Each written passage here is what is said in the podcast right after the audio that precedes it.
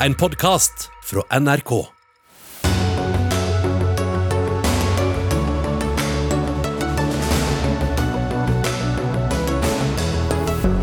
Regjeringen øker skatten for oppdrettsnæringen for Distrikts-Norge og egne ordførere på nakken.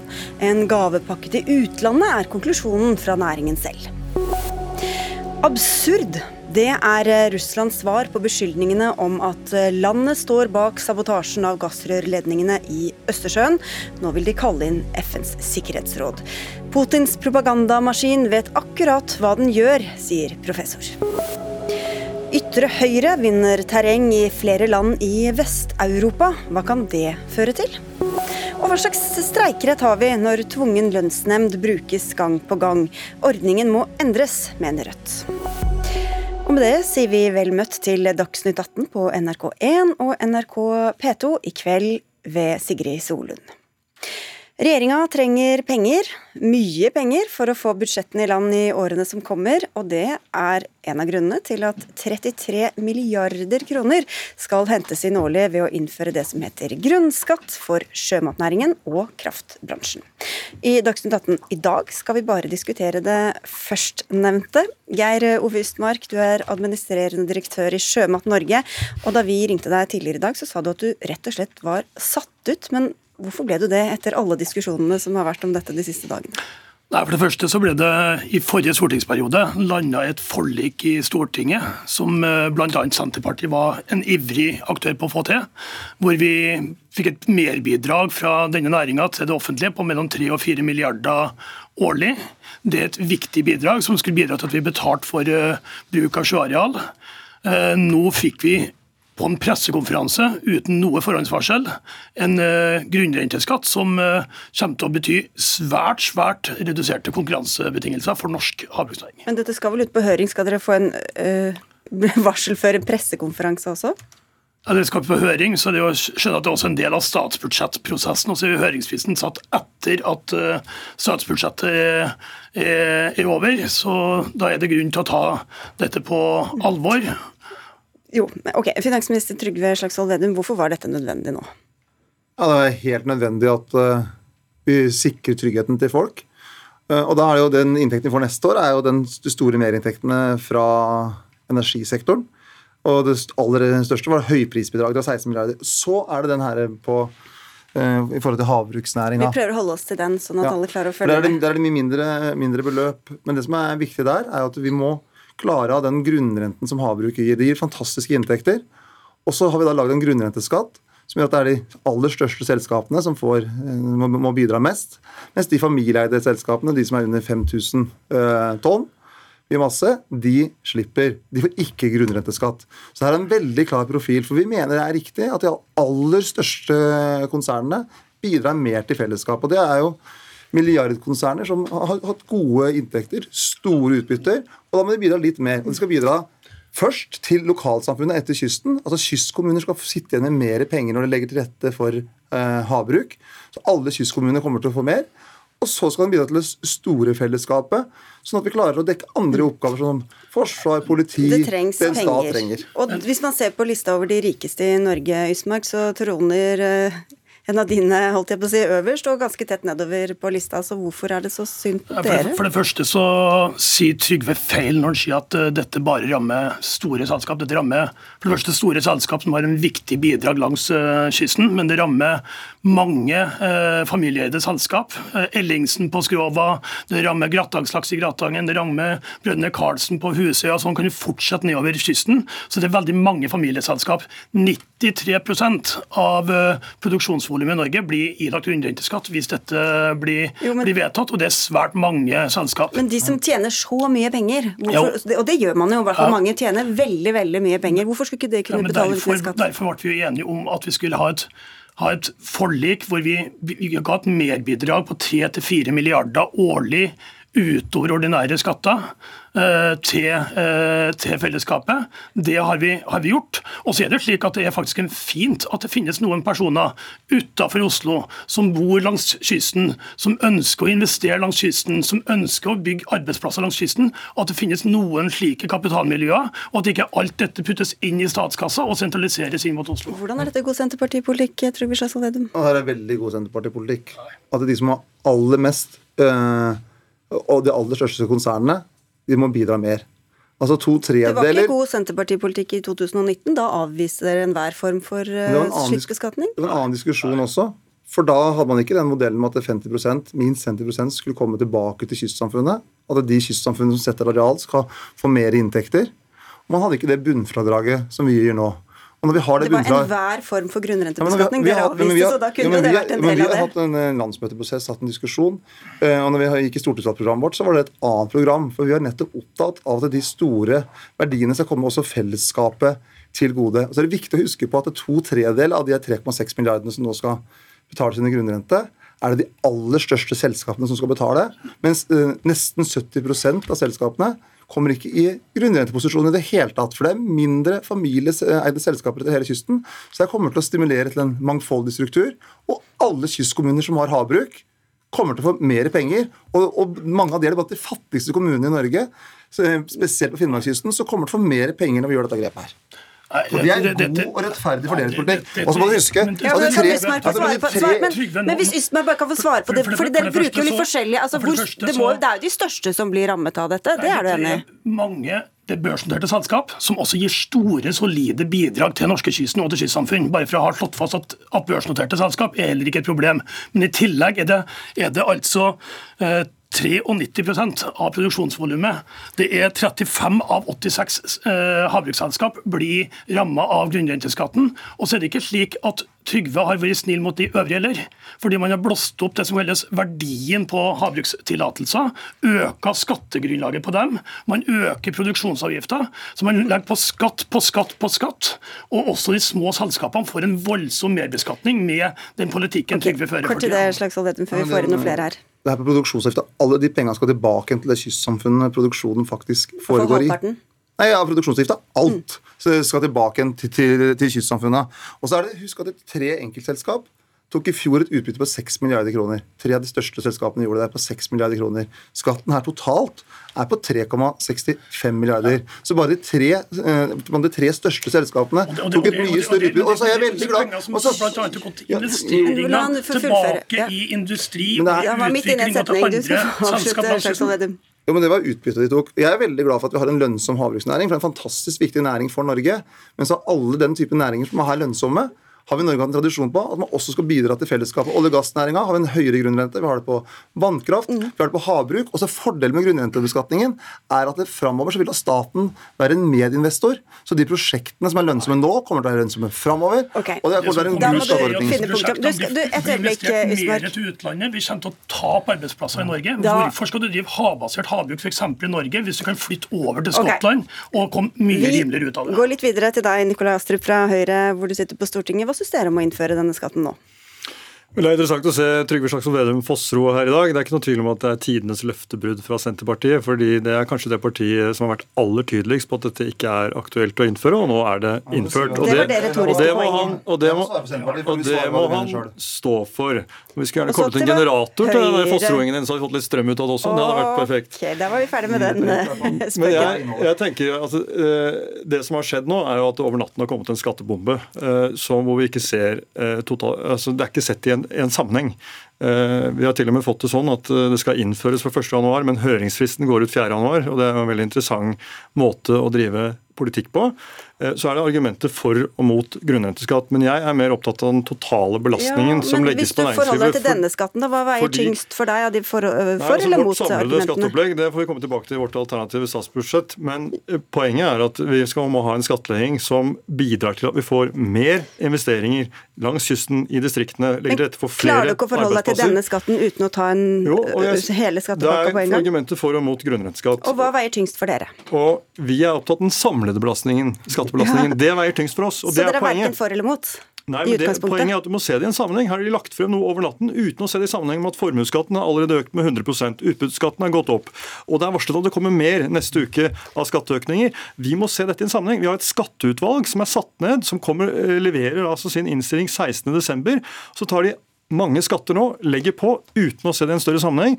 Det skaper en stor belastning for næringslivet i hele landet, og det er jeg bekymret for. Fordi dette handler om at nå krympes privat sektor, mens offentlig sektor den skal ese ut, og det er ikke noe god eh, modell. Og jeg er litt redd for okay. at regjeringen gjør det for lett for seg selv ved å unngå å prioritere i utgiftspolitikken ved å bare hente mer Ja. fra næringslivet, okay, tar, og det er ikke en Vi går ikke på utgiftssida nå, men uh, Jo, men det. Det forstår jeg. Men eh, å se dette i sammenheng med andre skatter, eh, hvorfor gjør dere ikke det på en mer overordna måte? Ja, selvfølgelig må vi gjøre det. Og så er det interessant å høre her at Høyre verken er for eller mot og uh, ikke vet helt hva de, vet hva de mener i denne saken her. Uh, men så la oss si da at vi skulle tatt inn de skattene på en annen måte. Så det, det som vi nå tar inn fra de som har aller høyest inntekt, ikke minst det. vannkraft. Hvis ikke så må vi kutte voldsomt til velferd. Hvis vi skulle tatt inn på en annen måte, så ville det vært 7000 kroner per eneste skattyter i Norge over 16 år. Eh, Så det at vi nå tar inn ekstra store inntekter fra vannkraftsektor som har skyhøye inntekter, det er Ja. riktig. Og så tror bruker vi jeg- det fordelingspolitisk riktig. Og så sikrer vi velferd, beredskap og trygghet rundt omkring i hele Norge. Vi skal få inn deg også, Torgeir Knag Fylkesnes. Det er fra SV. Det er jo dere som har ivret for denne skatten. Hva syns du når den kommer? Altså, vi har jo ment uh, over lang lang tid og gått og kjempa i Stortinget for at vi skal ha en høyere beskatning av uh, oppdrettsnæringa. Det har jo vært en næring som fordi at den har vært under oppbygging, har vært veldig underbeskatta. De har brukt fellesskapets ressurser. Så har de bygd seg opp. eh, og det er naturlig å begynne å innføre en skatt. Og Vi fikk gjennomslag for en, et element av denne grunnrenteskatten som nå har kommet inn. Dette med produksjonsavgift fikk vi innført for et par år siden. Men- Men så kommer da eh, denne løsninga her. Og det som er forskjellen her fra forrige gang den ble foreslått, var jo at kystsamfunnene kommer vesentlig bedre ut av denne modellen her. Eh, sånn som regjeringa har lagt opp. Det er helt riktig. Eh, og jeg legger jo også merke til at Høyre for meg så høres det ut som at Høyre kommer til å stemme for. Okay, men- Eh, men, Høyre. det, men det som er liksom historikken her, det er at dette er en næring som har vært underbeskattet over lang lang tid. Det har vært mye av fellesskapets ja. grunnrente som har gått Så til hva syns du om privat det berikelse. forslaget som er lagt fram nå? Nei, Vi syns det er positivt. Vi kommer til selvfølgelig til å se, se på detaljene i dette. her. Det kan ha noen negative utslag i noen tilfeller. Det ser vi allerede. Um, det er bl.a. noen mindre aktører som samtidig får en endra verdsetting av sine konsesjoner, som kan komme veldig dårlig ut her. Det, det kommer vi til annet å se på. Eh, men det som er liksom hele poenget vårt, er at Økt grunnrente skal komme folket til gode, kystsamfunnet til gode, og så skal det også organiseres på en sånn måte at det styrker det lokale eierskapet. For det som har vært problemet i denne næringa over lengre tid, det har jo vært at denne næringa i stadig større grad blir nettopp organisert i utlandet, på, fra Kypros eller fra andre skatteparadis rundt omkring. Og det, det må vi ha, få bukt med. Okay, Men Nå skal de- alt det overskuddet for, skal komme men folket kanskje med noen eh, justeringer. Ja, altså, vi, vi skal se på det. Om utenlandsk eierskap.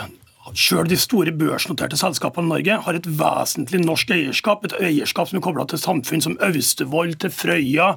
Eh, en av de største aksjonærene er Statens pensjonsfond eh, utland. sånn at det er et eh, vrengebilde. Men så er det også slik at, at at, at eh, kapital flyter over landegrensene. Og hvis, hvis uh, havbruksnæringa i Norge skal skattlegges mangegangen av det som skjer i noe andre land, så vil investeringer over tid flyttes ut av landet. Vi får en forvitring av den norske havbruksnæringa. Det blir mindre industribygging i, i Norge. Eh, og og, og okay. dette er resepten på det. Og så er det det er slik, så er det også hvorfor, som Nikolai er, sier. ja, hvorfor er det feil, Nei, fordi at, altså vi, hva er grunnlaget her? Jo, det er faktisk lakseprisen som er grunnlaget for denne nye skatten. Og dermed så stedbundet du den. Og det som er også feil, det, det som Ysmark mener er et vrengebilde, det er at her er det veldig mange lokale eiere. Nei, det har vært en tendens til at det er færre lokale eiere. Ta Finnmark som et eksempel. De vil få mye mer gjennom denne skatten her enn i dag. For, fordi at de har ingen lokale eiere overhodet i det fylket der, selv om de har veldig mye oppdrett. I mitt fylke, Troms, kun ja, rundt 25 av eierne der er lokale eiere. Sånn at det, det vi ser her, det er at kapitalen er strukturert og konsentrert. Derfor er det mer enn rett og rimelig at en større andel av den verdiskapinga kommer kysten og folket til gode. Ok, Få inn finansministeren også. Ja, så handler det om hvordan vi skal fordele skattebyrden i Norge. Og grunnrenteskatt er veldig fint på den måten at når man blir en del av grunnrenteskattesystemet, så får dere også det fradraget. Så hvis du investerer da, for da 100 millioner, og grunnrenteskatten er 40% så får dere igjen de 40 millionene. Og det vil gjøre at staten er med og tar risikoen på nye prosjekter innenfor havbruk. Men men så tar man videre Så da når man får store overskudd, så, man, så tar gevinsten. Så det her er en, en, god skatt som vil stimulere til mer aktivitet. Og så gjør vi det på en måte som gjør at lokalsamfunn, kystsamfunn, spesielt, spesielt de fattige kystsamfunnene, vil få mer penger. Og det er forslaget fra Trygve så ligger det på bordet at man skal få fradrag for investeringer på havbruksanlegget, det som skjer i sjøen. Mens det som er de mest marginale aktivitetene, det er jo foredlingsaktiviteten deretter. Det betyr at vi kommer til å få mindre bearbeiding, vi kommer til å få mer råvarer råvarebasert eh, økonomi og mindre effekter i sysselsetting utover distriktene. Og det på Senterpartiets vakt. Det, ja, det har han et poeng i, men han underslår også det at du kan faktisk trekke fra direkte på denne grunnrenteskattinga investeringer. Så du får mindre superprofitt, mer investeringer og mer til kystsamfunn og folk. Nei, ok, men ta, ta, Et øyeblikk nå, nå skal vi avslutte straks. Men Ysmark, et øyeblikk. Ysmark, nå må du uh, være stille. For da skulle jeg til slutt til Nikolai Astrup. Nå ble det spekulert i at dere kom til å stemme ja. Hva sier altså, du? Det er nevnt mange fordeler ja. med grunnrenteskatt. Det er en nøytral skatt, kan virke positivt på investeringer. Men vi kan altså ikke si ja eller nei til en sånn skatt uten å se hva regjeringen kommer med eh, neste torsdag av ytterligere skatteskjerpelser for folk og bedrifter i det ganske land.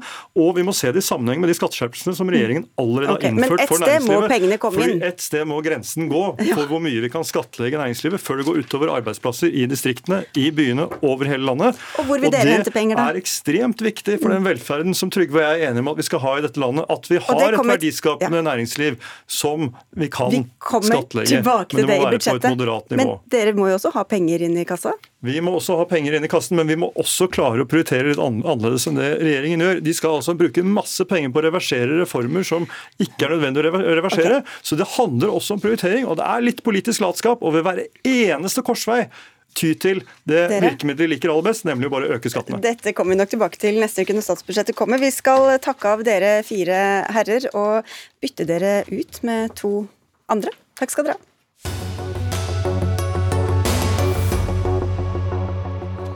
Vi bytter deltakere, men holder oss til saken. For det nye skatteforslaget har opprørt ordførere fra begge regjeringspartiene.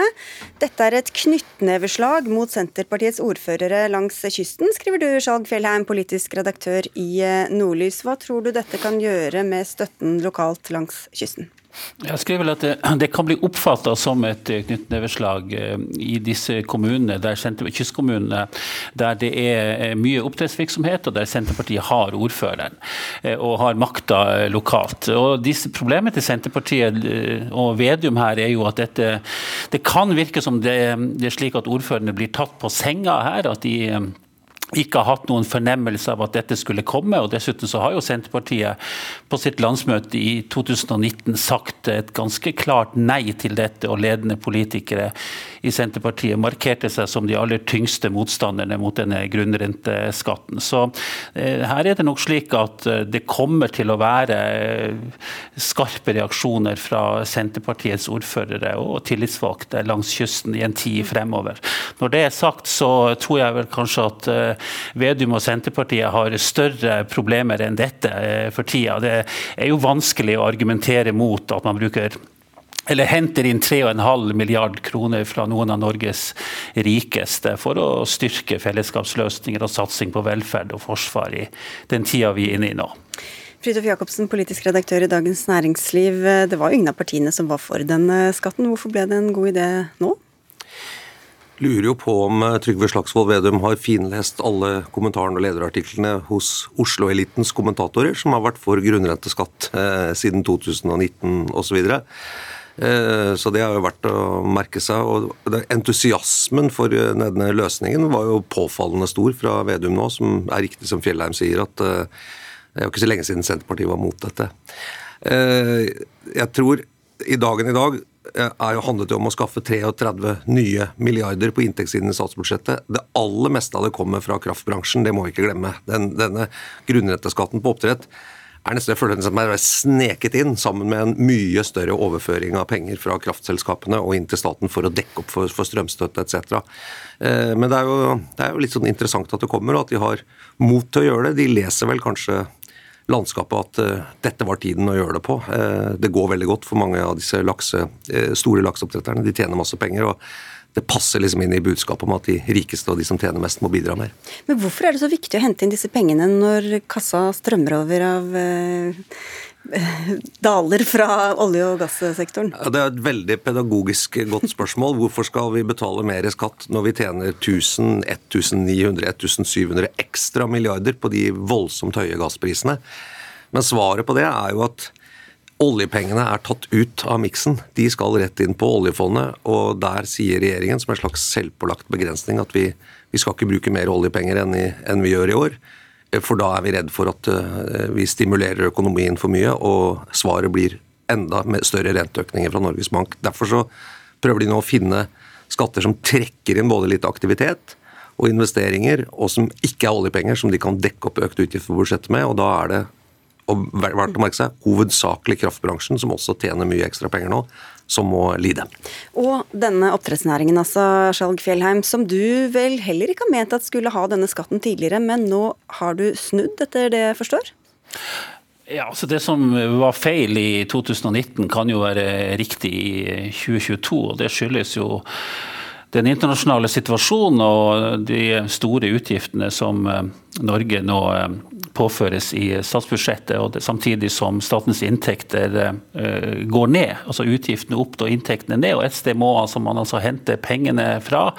Og Dette er jo et stort spleiselag der jeg tror mange nå synes det er rimelig at alle bidrar, også lakseoppdrettere langs kysten. Og jeg tror vel at uh, dette kommer til å bli ganske godt mottatt i opinionen langs kysten, selv om du har noen sterke allianser mellom lokale ordførere og, og lokale oppdrettere. Jeg tror eh, vel også at dette blir eh, dårligere mottatt der man har lokale oppdrettere som bidrar med mye eh, lokal verdiskapning, og at det blir, eh, blir, blir vanskelig, eller det blir lettere akseptert der det er store konsern som som driver oppdrettsvirksomheten, som f.eks. i Finnmark, som Knag Fylkesnes var inne på. Ja, for selv om eh, dere i eh, kommentatorene i hovedstadspressen eh, Fridtjof Jacobsen har ivret for dette lenge, så slår det ikke like godt an kanskje for Senterpartiets velgere i distriktene, eller?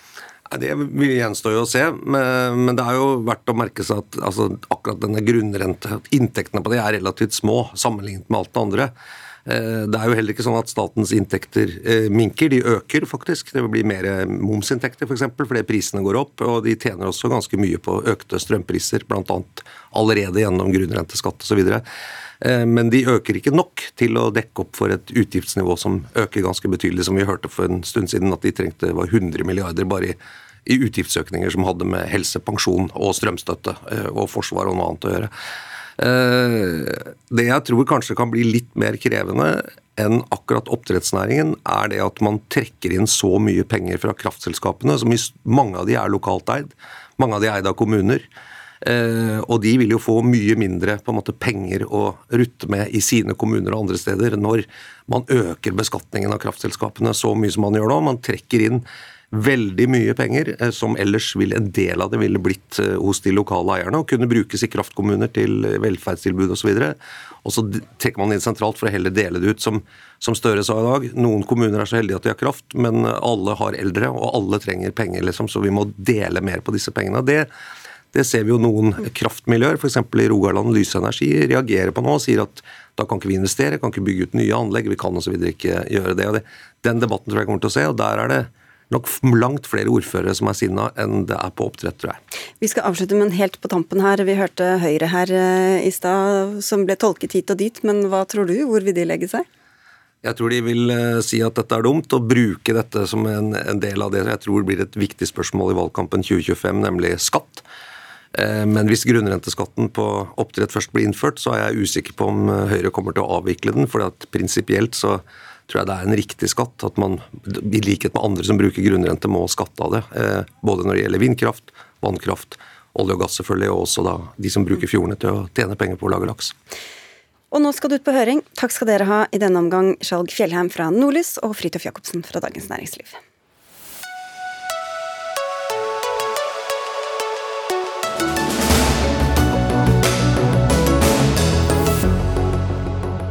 Litt senere her i Dagsnytt 18 skal det handle om eh, lærerstreiken som ble avblåst med tvungen lønnsnemnd. Hvor reell er da streikeretten, spør vi. Men først til følgene av lekkasjene fra gassrørledningene i Østersjøen, som mest sannsynlig skyldes en eh, sabotasje.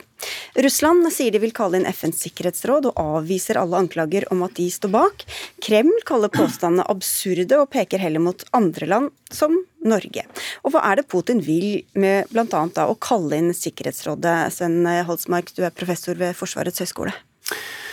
Nei, altså eh, Det russerne gjør i denne som i andre saker, det er å, å fortelle, forsøke å skape en historie som de ser seg tjent med vi må på en måte liksom en gang for alle innse at uh, hvorvidt uh, noe uh, russerne eller Putin-regimet sier er sant eller ikke, det, det, er helt irrelevant.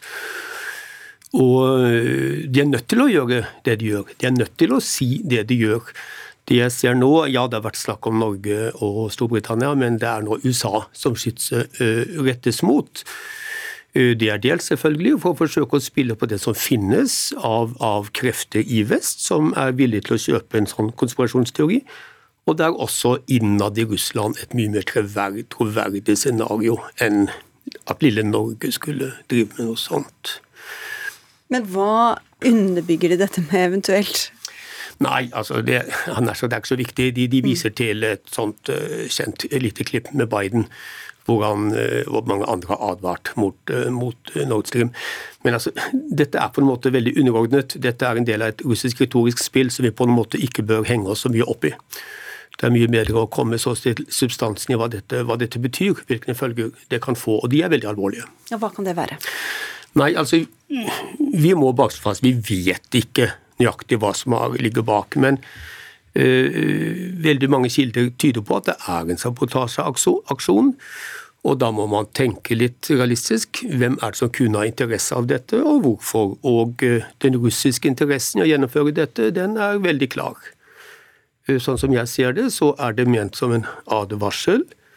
Nå når gassvåpenet så langt ikke har ført frem, hva gjør man da? Jo, man antyder at man har enda mer. At man kan gå enda lengre. Eh, så dette er ment, dette er ment for å skremme. Nøyaktig på samme måte som atomvåpenretorikken er ment for å skremme. Den er ment å få oss til å gi etter og stoppe å hjelpe, stoppe å hjelpe Ukraina. Det er, det er veldig enkel, enkel, mekanikk, dette her. Men de advarslene, da, hva er det, retter det seg mot norsk eh, olje- og gassproduksjon, f.eks.? Nei, altså eh, advarselen retter seg mot Vesten, mer konkret da mot det de antar er det svake ledd, nemlig eh, Europa. De ønsker at Europa skal bli redd for at eh, konsekvensene av å fortsette støtten til Ukraina er så dramatiske, nemlig at gassforsyningene fra norsk sektor vil bli stoppet. Eh, og Det fine med dette russisk perspektiv er at de ser nok for seg at de kan hypotetisk sett gjennomføre denne typen aksjoner uten at det vil være en smoking gun. Eh, jeg finner ingen annen rasjonell forklaring på dette. Men denne forklaringen er sånn sett helt rasjonell. Takk skal du ha, professor Holsmark. Holtsmark. Olje- og energiminister Terje Aasland, eh, Russland vil kalle inn Sikkerhetsrådet, peker på USA og på Norge. Hva sier du til disse uttalelsene fra russiske myndigheter? Nei, det er jo veldig vanskelig å skal vi si, konkretisere hva Russland eh, faktisk eh, holder på med. Det er jo det også eh, en gir sterkt uttrykk for nå. Men at han vil fortsette spillet sitt og retorikken sin for å så splittelse, usikkerhet, utrygghet. Og gjennom det vinne en posisjon, er det jo ingen tvil om. Men de hendelsene som har vært i Østersjøen nå, de er svært alvorlige og dramatiske. Eh, og gjør jo at også eh, regjeringen nå har høyna både beredskapen og sikkerheten knytta til eh, norsk petroleumsinfrastruktur og petroleumsinstallasjoner. Nettopp fordi det er viktig at vi nå er veldig forberedt på ulike scenarioer som kan oppstå. Og Dette orienterte du Stortinget om nå i ettermiddag. Der var du, Guri Melby. Du sitter på Stortinget for Venstre, som du er partileder for også. Du har beskyldt regjeringa for å svikte til beredskapen når det gjelder um, oljeinfrastrukturen. Gjelder det fortsatt, etter du har hørt Aasland tidligere i dag, og også Jonas Gahr Støre enda før det? Ja, Det jeg og mange med meg reagerte på i går, var at da olje- og energiministeren fikk et direkte spørsmål om hva regjeringa ville foreta seg nå etter disse lekkasjene og etter disse eh, sabotasjene var kjent, at han da pekte på selskapene eh, som ansvarlig for sikkerheten på sokkelen. Eh, og jeg oppfatta det svaret som et svar som er et godt svar i en normalsituasjon, når det ikke er krig i Europa når vi ikke nettopp har hatt en eksplosjon på en annen gassrørledning. Men jeg opplevde det ikke som et betryggende svar i den situasjonen som vi er i akkurat nå. Og så må jeg jo si at jeg syns uh, uttalelsene fra statsråden i etterkant har vært gode, og jeg syns også det møtet vi hadde på Stortinget i dag var godt. Men det er jo viktig at dette er et tema som vi ikke bare har diskutert i dag, men også i mange måneder tidligere. I november i fjor så hadde jeg en interpellasjon på Stortinget som handla om hvordan vi greier å ivareta sikkerheten på sokkelen. Og det er mange eksperter som har pekt på at den ikke er god nok. Og da er det viktig i en situasjon som vi er i nå, at vi som sitter i opposisjon, også er tydelige på at dette er noe vi trenger informasjon om. For å ta det første først, Aasland. Hvorfor pekte du på olje- og gasselskapene da du fikk dette spørsmålet? Nei, fordi jeg uttalte meg om det ansvaret olje- og gasselskapene har for å opprettholde sikkerheten eh, og sikringen av sine anlegg eh, i en normalsituasjon. På, det på det tidspunktet hvor jeg uttalte meg, så visste vi ikke egentlig, da visste vi veldig lite om det som hadde skjedd i Østersjøen. Etterpå så har vi fått forklaring at det er eksplosjoner, mest sannsynlig villede handlinger, som ligger bak. Og hvis det er et angrep på Norge vi snakker om, så er situasjonen helt annerledes. Da har jo myndighetene, Forsvaret, sine instrukser og sine plikter til å forsvare Norge eh, på en aktiv og konkret eh, måte. Så det er en helt annen beskrivelse enn det jeg uttalte meg om på det Jo. spesifikke tilfellet. Så Men i det spesifikke tilfellet som var i går, så er vi jo fortsatt i et Europa i krig, så hvordan kan du kalle det en Europa- normal situasjon? Europa er i krig, men vi visste ikke noe om Med de olje og gass som viktige momenter i den krigen. Jo, men det er viktig å liksom eh, ta utgangspunkt i hva en faktisk vet. Det vi visste på det tidspunktet, det var at det var uh, trykkfall i Nord Stream 2, uh, og uh, at det var lekkasjer. Men så kom jo opplysningene, og det er klart, bare la, la det være helt eh, ikke etterlat noen tvil om det. Hvis det kommer et angrep på Norge, så får det selvfølgelig eh, konsekvenser, og direkte konsekvenser med handling fra Norges side også. Men spørsmålet handler jo ikke bare om hva som skjer hvis det kommer et angrep. Spørsmålet er jo også hvem som har ansvaret nå, i en situasjon der vi har en annen trusselsituasjon enn det vi hadde før 24.2. Og det er jo det som vi har vært litt opptatt av også, og som jeg opplever at det har vært områder der vi syns at eh, regjeringas holdning overfor Russland har vært at vi ikke har vært tydelige nok. da. Eh, Vi har jo annet flere ganger stilt spørsmålet om hva slags tillatelser vi gir sivile fartøy i å ferdes i nærheten av installasjoner og ellers i norske farvann. Hvordan vi tillater skip til å gå i havn i norske havner. Alt det her som gir muligheter for ganske stor sivil aktivitet fra russisk side, og som vi opplever at vi har for liten kontroll på fra norsk side. Så det er ikke bare et spørsmål som vi reiste i lys av eh, måten statsråden ola seg på i går, men også eh, hva regjeringa har sagt og gjort tidligere. Altså, regjeringen har vært veldig opptatt av sikkerheten og beredskapen knytta til det som skjer. både etter at krigsutbruddet i Ukraina kom, men også før. Det er gjort tiltak før det fra Forsvarets side som er viktige.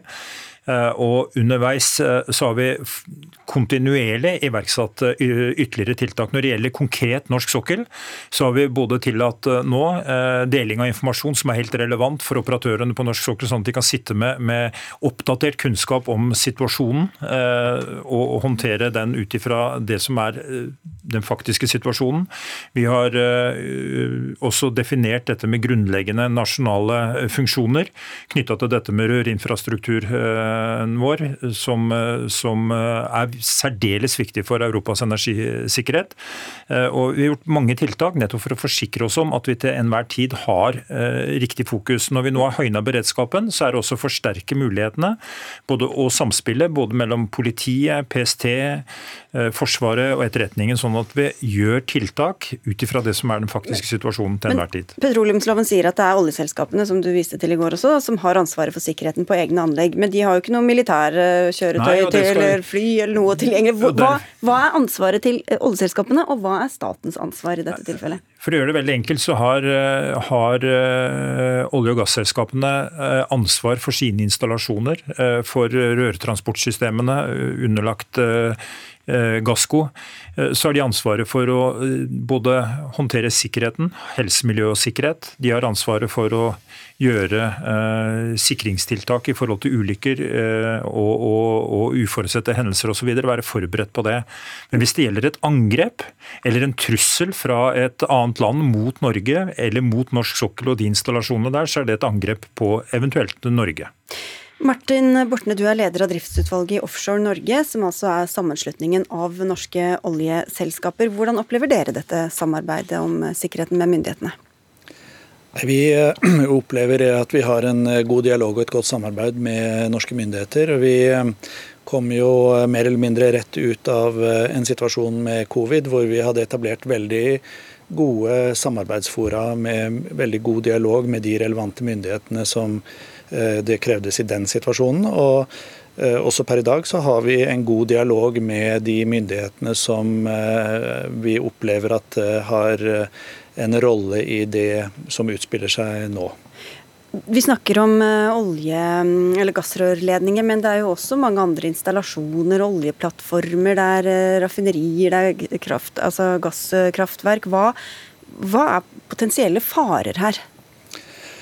Eh, det eh, er jo alltid fare forbundet med hvis det at du oppstår eh, lekkasjer, sånn at du mister og får ukontrollert utstrømming av hydrokarboner, enten det være seg olje eller gass. Og i verste fall, hvis det skulle antenne og du får eksplosjon, så er det klart at det kan få katastrofale følger for det som måtte finne seg i umiddelbar nærhet av der du har hendelsen. I tillegg så er det selvfølgelig miljøaspektene ved å særlig oljeutslipp, men også gassutslipp er jo eh, noe som er særdeles uønska i forhold til et miljøhensyn.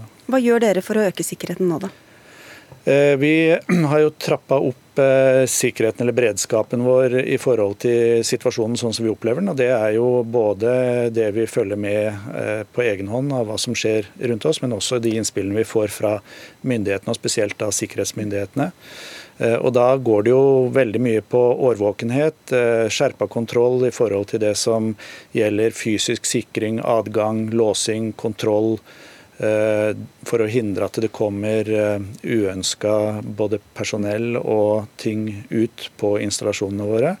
Og så er det jo den årvåkenheten som vi har da ute som øyne i havet på de installasjonene der vi sitter og følger med på hva som skjer i området rundt installasjonene. Og Det rapporteres jo da inn til sentrale myndigheter eh, via eh, Petroleumstilsynet og politiet, først og fremst. Eh, og så deles jo informasjonen da i de fora som vi har, både som industri og med myndighetene. Terje Aasland, nå er vi jo i en situasjon hvor vi må være forberedt på det vi nesten ikke kan tenke oss. Hva ser dere på som det mest sannsynlige mulige angrepet dersom det skulle komme et angrep? Nei, Det er eh, vanskelig å si helt konkret hva det kan være. og Det er heller ikke noe rasjonell kobling mot det som skjedde i Østersjøen, mot f.eks. hendelser på, direkte på norsk sokkel. Det kan være en helt annen strategi hvis en liksom ønsker uh, hendelser der. Så jeg tror uh, samarbeidet mellom myndighetene og industrien som det pekes på her, er, er særdeles viktig å følge opp videre. De sitter på informasjon. Og vi sitter på informasjon, og det å sørge for at vi har optimale tiltak for ulike typer hendelser, enten det er Uh, hendelser som har til hensikt å ramme en infrastruktur, eller om det er cyberangrep for å stenge ned norske, norsk uh, olje- og gassproduksjon, så må vi være forberedt på det andre. Og vi har høyna sikkerhetsnivå nå, nettopp for å i størst mulig grad altså være sikre på at vi gjør de tiltakene vi kan gjøre ut ifra den situasjonen som er der. Og Vi snakker jo om milevis med rørledninger, Guri Melby, i tillegg til alle mulige andre installasjoner. Hvordan skal det være mulig å beskytte alt det? Uh det er jo en av de tingene jeg har stussa litt på. Jeg opplever at statsminister Støre i dag sa at det er umulig for oss å passe på 8000 km med rørledning. Men vi må jo gjøre en helt konkret vurdering av hvordan vi kan øke sikkerheten rundt den rørledningen. For som vi nettopp hørte her, konsekvensene av et angrep mot det her vil jo være kjempestor og veldig alvorlig. Både miljømessig, sikkerhetsmessig, ikke minst for energiforsyninga i Europa. Så jeg syns ikke vi kan slå oss til ro med at det vil være for vanskelig å følge med på hele den. Det det finnes måter vi kan kartlegge hvordan er normaltilstanden, og hva vil være avvik fra den normaltilstanden. Så jeg er glad for at eh, statsråden er så tydelig på å understreke alvoret, at han også er så tydelig på at vi høyner beredskapen. Jeg håper det her også betyr at regjeringa fortløpende vurderer nye tiltak, også tiltak de fram til nå har avvist. Nei, altså vi følger, altså Denne situasjonen eh, håndterer vi nå tett. Det er viktig at vi har eh, godt forberedte tiltak. At tiltakene blir iverksatt, at en har samspillet. At en bruker de eh, verktøyene som er tilgjengelige, både som Forsvaret sitter på, politiet sitter på, eh, og ikke minst eh, industrien sjøl eh, gjør av observasjoner osv. Og, så videre, og følger opp dette på en grundig, ordentlig måte, fordi situasjonen er alvorlig, og det gjør vi. Hvor sårbare er vi, Martin Bortne? Det er jo litt sånn som du, dere har vært inne på, at vi har 9000 km med rørledninger. og I tillegg så ligger det selvfølgelig både kabler og kommunikasjonskabler eh, i hele Nordsjøen og over Atlanteren. Så det er et veldig stort område som skal overvåkes og passes på. Eh, jeg tror når det gjelder de konkrete tingene som vi er eh, helt klart ansvarlig for som selskap, å ivareta sikkerheten til det personellet som jobber ute, så er vi veldig godt forberedt. Og vi har jo definert eh, et tyvetalls ulike eh, sånn definerte fare- og ulykkesscenarioer, som vi kaller det, som vi trener på regelmessig. Og Der inngår jo både cyberangrep og terror- og sabotasjehandlinger som en del av det som vi regelmessig trener på. Både eh, som selskap og sammen med myndighetene. En ting som staten definitivt har ansvar for, er jo hvilke fartøy vi tillater eh, at ferdes i våre farvann. Vi vet at mange av dem driver etterretningsvirksomhet og kartlegger installasjoner. Her mener jeg det er ingen tvil om at vi må stramme inn praksisen. Altså det som er viktig, det er at vi håndterer situasjonen nå eh, tett, og at vi har eh, god dialog, at vi iverksetter de tiltakene som skal iverksettes. Det har regjeringen holdt på med siden før krigsutbruddet. Vi har jo holdt på med det etter krigsutbruddet. Strengere regler for uh, andre båter? Nei, det blir, alle, alle, alle, tiltak blir vurdert også fortløpende, hva som er hensiktsmessig ut ifra den situasjonen som, uh, som, er der. Og så er det nok bildet litt mer nyansert. Men, mm. men, men uh, vi er beredte å sette i verk ytterligere tiltak hvis det skulle vise seg å være nødvendig. Vi nå sørger for godt samarbeid mellom politi, PST, Forsvaret, eh, regjeringen, og eh, vi har redegjort for Stortinget hvordan eh, vi jobber nå med dette. og Jeg tror dette er i et veldig godt spor. Og så er det en veldig krevende og alvorlig situasjon som vi befinner oss i, men vi har gjort forberedende tiltak på det som nå utspiller seg. Da er det bare å vente og se. Takk skal dere ha alle fem, fire, til olje- og energiminister Terje Aasland, Venstre-leder Guri Melby, Martin Bortne fra Offshore Norge og professor Sven G. Holsmark. Takk.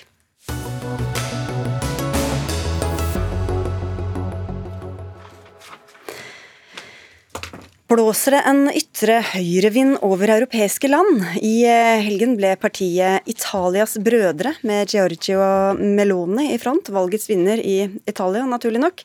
Og for et par uker siden fosset Sverigedemokraterna fram i det svenske valget, og tidligere år var Nasjonal Samling nærmere enn noen gang å vinne makt i Frankrike. Katrine Torleifsson, du forsker på ytre høyre ved Senter for ekstremismeforskning ved Universitetet i Norge. Og som regel når du er der, så snakker du om land øst eh, i Europa og utviklingen der. Er det samme i ferd med å skje i Vest-Europa? Ja, så Det er i hvert fall økt støtte til ytre høyre-partier også i Vest-Europa. Og vi ser en normalisering av ytre høyre-partier som har blitt tatt inn i varmen av tradisjonelle konservative partier. Og eh, hvorfor skjer det, tror du? Det er jo to grunner. og Det ene er jo økonomisk usikkerhet igjen. Altså økte levekostnader og arbeidsledighet, f.eks. i Italia. Og så er det også motstand mot eh, innvandring, våpenkriminalitet i Sverige f.eks., som har vært en av de store fanesakene til Sverigedemokraterna over tid. Det er jo forskjellige partier i forskjellige land. Simen Ekern, du er europakorrespondent med oss fra Roma. Du har jo også skrevet uh, flere bøker, bl.a. om høyrepopulisme. Hvordan reagerer andre ytre høyre-partier på valget i Italia? Det er litt forskjellige reaksjoner, litt avhengig av hvor partiene står. Men interessant å se hvor mye oppmerksomhet det har fått eh, i Frankrike eh, f.eks. Der eh, Marine Le Pen gratulerer partiene med valgseieren og, og, og, ser det som et slag i ansiktet på arrogante byråkrater i Brussel, som hun skriver. Mens Erik Zemmour, som mange husker som den store utfordreren på ytre høyre side i Frankrike ved valget i eh, vår, han er nok enda gladere. og Det henger sammen med at hans politiske linje eh, ligner litt mer på den Georgia Meloni har her i Italia. Eh, Bl.a. når det gjelder denne tanken om at europeiske lands befolkninger er i ferd med å miste sin identitet og bli skiftet ut med noe annet grunnet en slags villet operasjon. Der har de nokså felles språk, og det gjentok også Zemmour i en interessant TV-debatt i Frankrike i går. Viktigst for ham er kanskje likevel, og det tror jeg også gjelder for en del andre ytre høyre og høyrepopulistiske partier i Europa, at Italia nå eh, blir eh, en mal for hvordan tradisjonelt konservative og partier lenger ut til høyresiden kan sitte i regjering med ytre høyre som statsminister. Nå er det mulig. Meloni viser at vi kan få makt, skrev Zemor, og det er det nok flere som nikker anerkjennende til.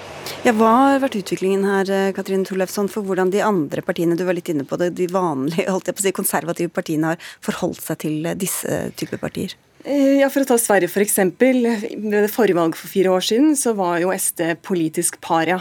De var få som ville ta med dem med ildtang i det hele tatt. Eh, og så har det skjedd en endring på de siste fire årene. Og så må vi ikke glemme at både Meloni og Jimmy Åkesson, altså lederne for SD og Italia, de har jo vært med i tre tiår. Altså fra de var unge ledere i det som var en hvit maktbevegelse og det som var en fascistbevegelse, til å normalisere budskap og innhold over tre tiår. Så det er lang tid de har brukt på å oppnå tillit hos eh, tradisjonelle partier. Simen Ekern, I hvilken grad identifiserer disse partiene seg med hverandre?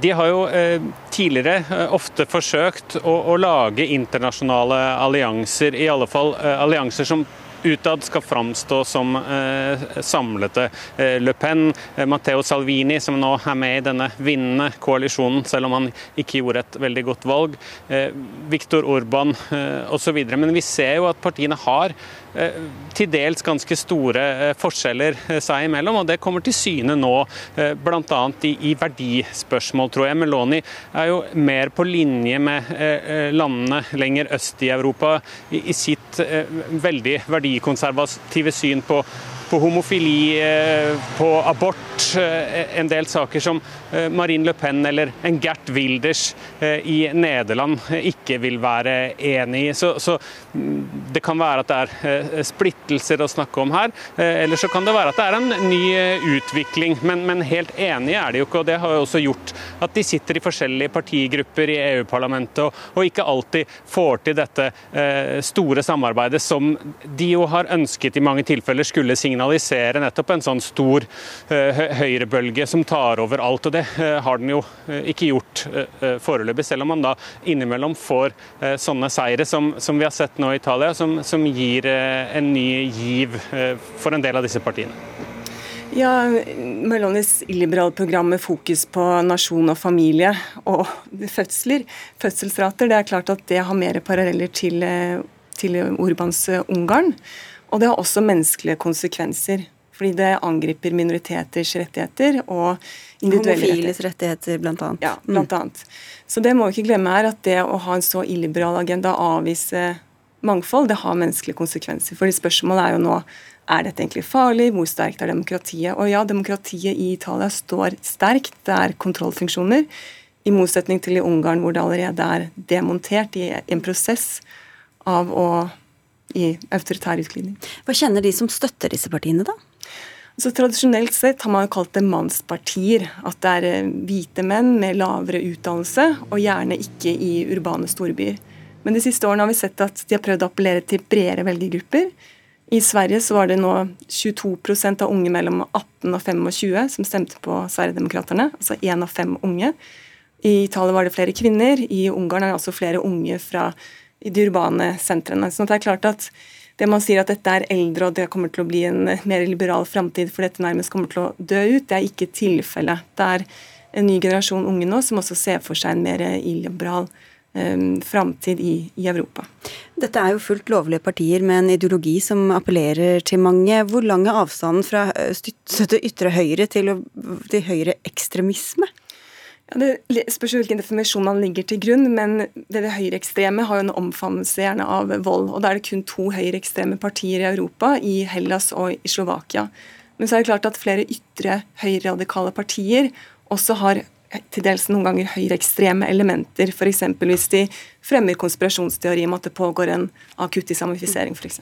Helt til slutt her, Simen Ekern. Eh, det er jo ofte markante innslag av nasjonalisme hos disse partiene. Hvordan eh, forholder de seg annet i Italia til det overnasjonale samarbeidet og EU?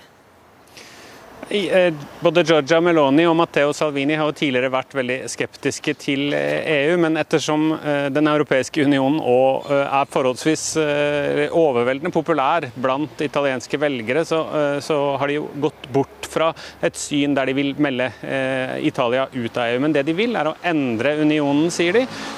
Og det vet vi jo ikke riktig hva de mener med i praksis ennå, det får man jo se. Men, men det kan jo være at vennskapet til Viktor Viktor Orban og, og, og beundringen for eh, Ungarn iallfall vil føre til en annen type støtte fra Italia når, når Ungarn krangler med EU om hva som er eh, selvråderett og hva som er brudd med EUs grunnleggende verdier, f.eks.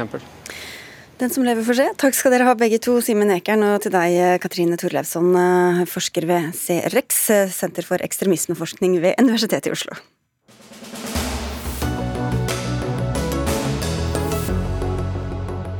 Ja, Det var den streikeretten. Sånn reagerte mange lærere og støttespillerne deres etter at regjeringa grep inn i går og avsluttet lærerstreiken med tvungen lønnsnemnd.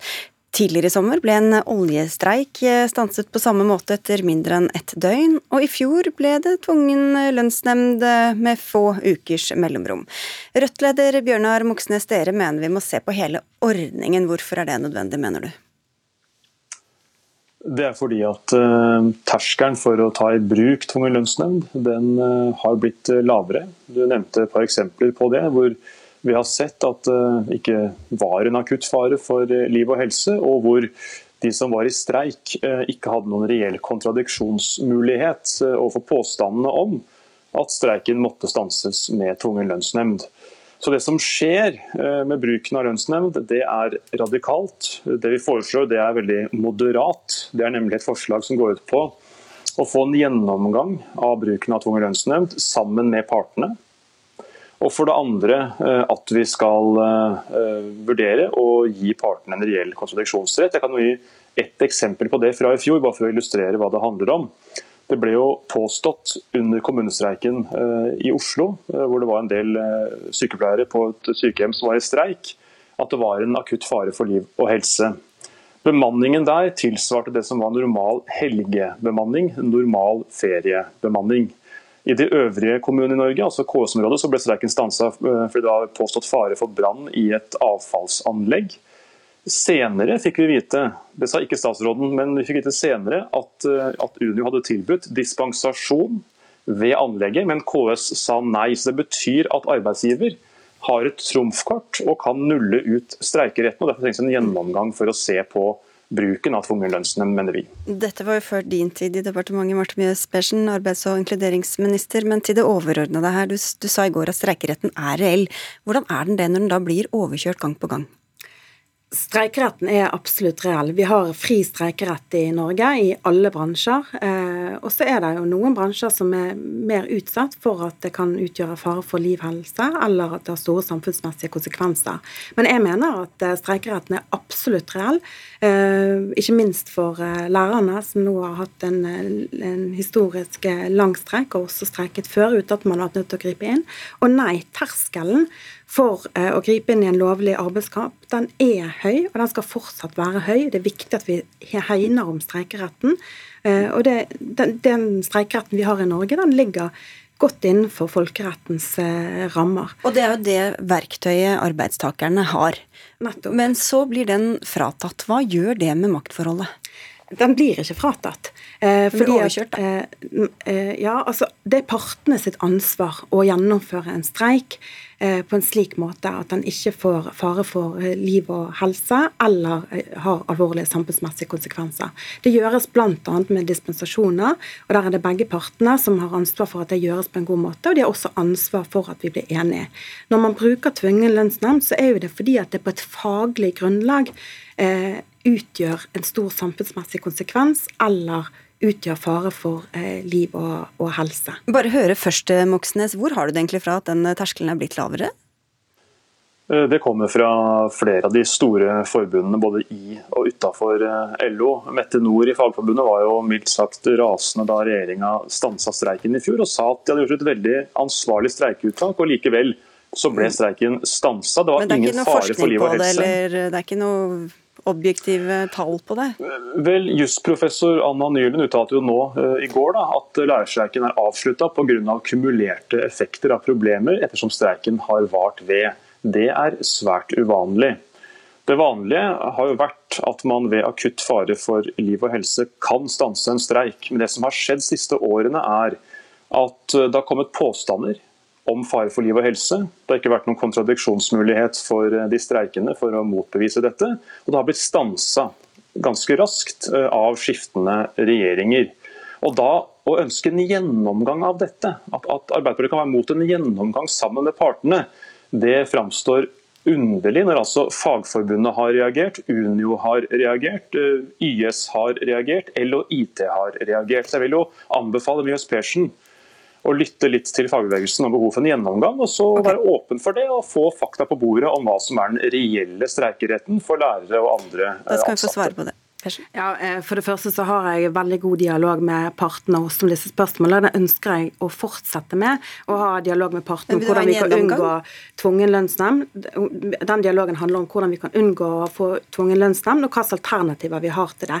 Eh, det handler bl.a. om mulige forhåndsavtaler, det handler om streikeuttak og hvem det søkes dispensasjon på. Den dialogen er god. Men jeg har lyst til å svare også på dette med eh, som, som, man sier med liksom at det kommer påstander om fare for liv og helse. Eh, når eh, regjeringen er nødt til å gripe inn med tvungen lønnsnemnd, slik vi har vært nødt til å gjøre nå, så bygger det seg jo på en faglig argumentasjon. På en faglig dokumentasjon og på eh, faglige råd som er kommet pga. dette. Så det er ikke løse påstander. Men hvorfor kan de ikke få som han kaller en kontradiksjon, altså at de ja. kan tilbakevise det dersom de mener at det kan tilbakevises?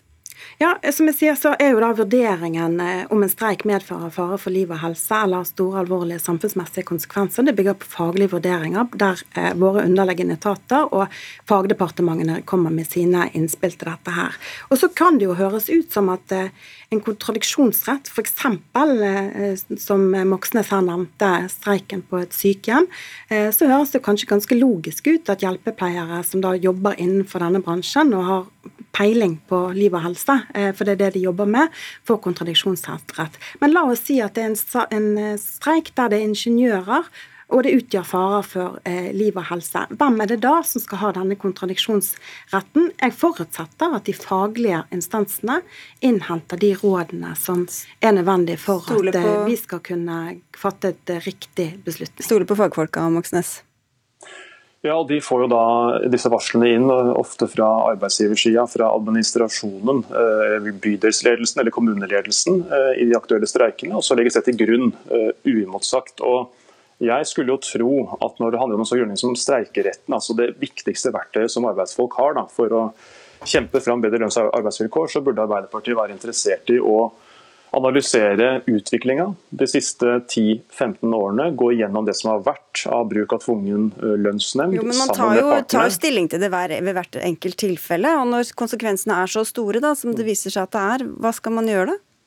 Jo, men Et eksempel på det er at uh, vi ble ikke informert, parlamentariske lederne, da de stansa kommunestreiken i fjor uh, før sommeren, om at det hadde vært gitt uh, tilbud om dispensasjon for å unngå brannfare ved et søppelanlegget i Fredrikstad, som altså var grunnlaget for hele lønnsnemnda. Så det er åpenbart mangler i systemet.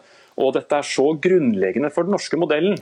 Streikeretten er helt fundamental. så det å ja. Få en gjennomgang, vurdere en kontradiksjonsrett, burde være en smal sak for okay. Arbeiderpartiet. For, kort til slutt her, ja, Først av alt så vil jeg ikke ta ansvar for hva de parlamentariske lederne ble involvert i eller ikke, når jeg ikke selv var statsråd og det var en annen regjering. Eh, men som sagt så mener jo jeg at eh, den dialogen vi har med partene om hvordan vi skal unngå bruk av tvungen lønnsnemnd, og hvilke alternativ vi har, er en, veldig viktig. Okay. Men, og så er det jo også slik da når det gjelder kontradiksjonsrett, siden dette er et viktig tema for, eh, for Moxnes, så vil jo det også lett kunne påvirke de forhandlingene som partene har i streiken. Bl.a. med at eh, de vil jo da involveres og vise, eh, vite at, eh, at det nærmer seg. Ok, Vi kom ikke lenger. Takk skal dere ha begge to, Rødt-leder Bjørnar Moxnes og arbeids- og inkluderingsminister Marte Mjøs Persen. Det var nemlig så lang tid vi hadde i Dagsnytt 18 som vanlig. Det var Gro Arneberg som hadde ansvaret for innholdet i sendinga. Eli Kyrkjebø hadde det tekniske ansvaret. Mitt navn er Sigrid Solund, og vi ønsker en fin kveld videre. I morgen er Espen Aas tilbake til samme tid og samme sted.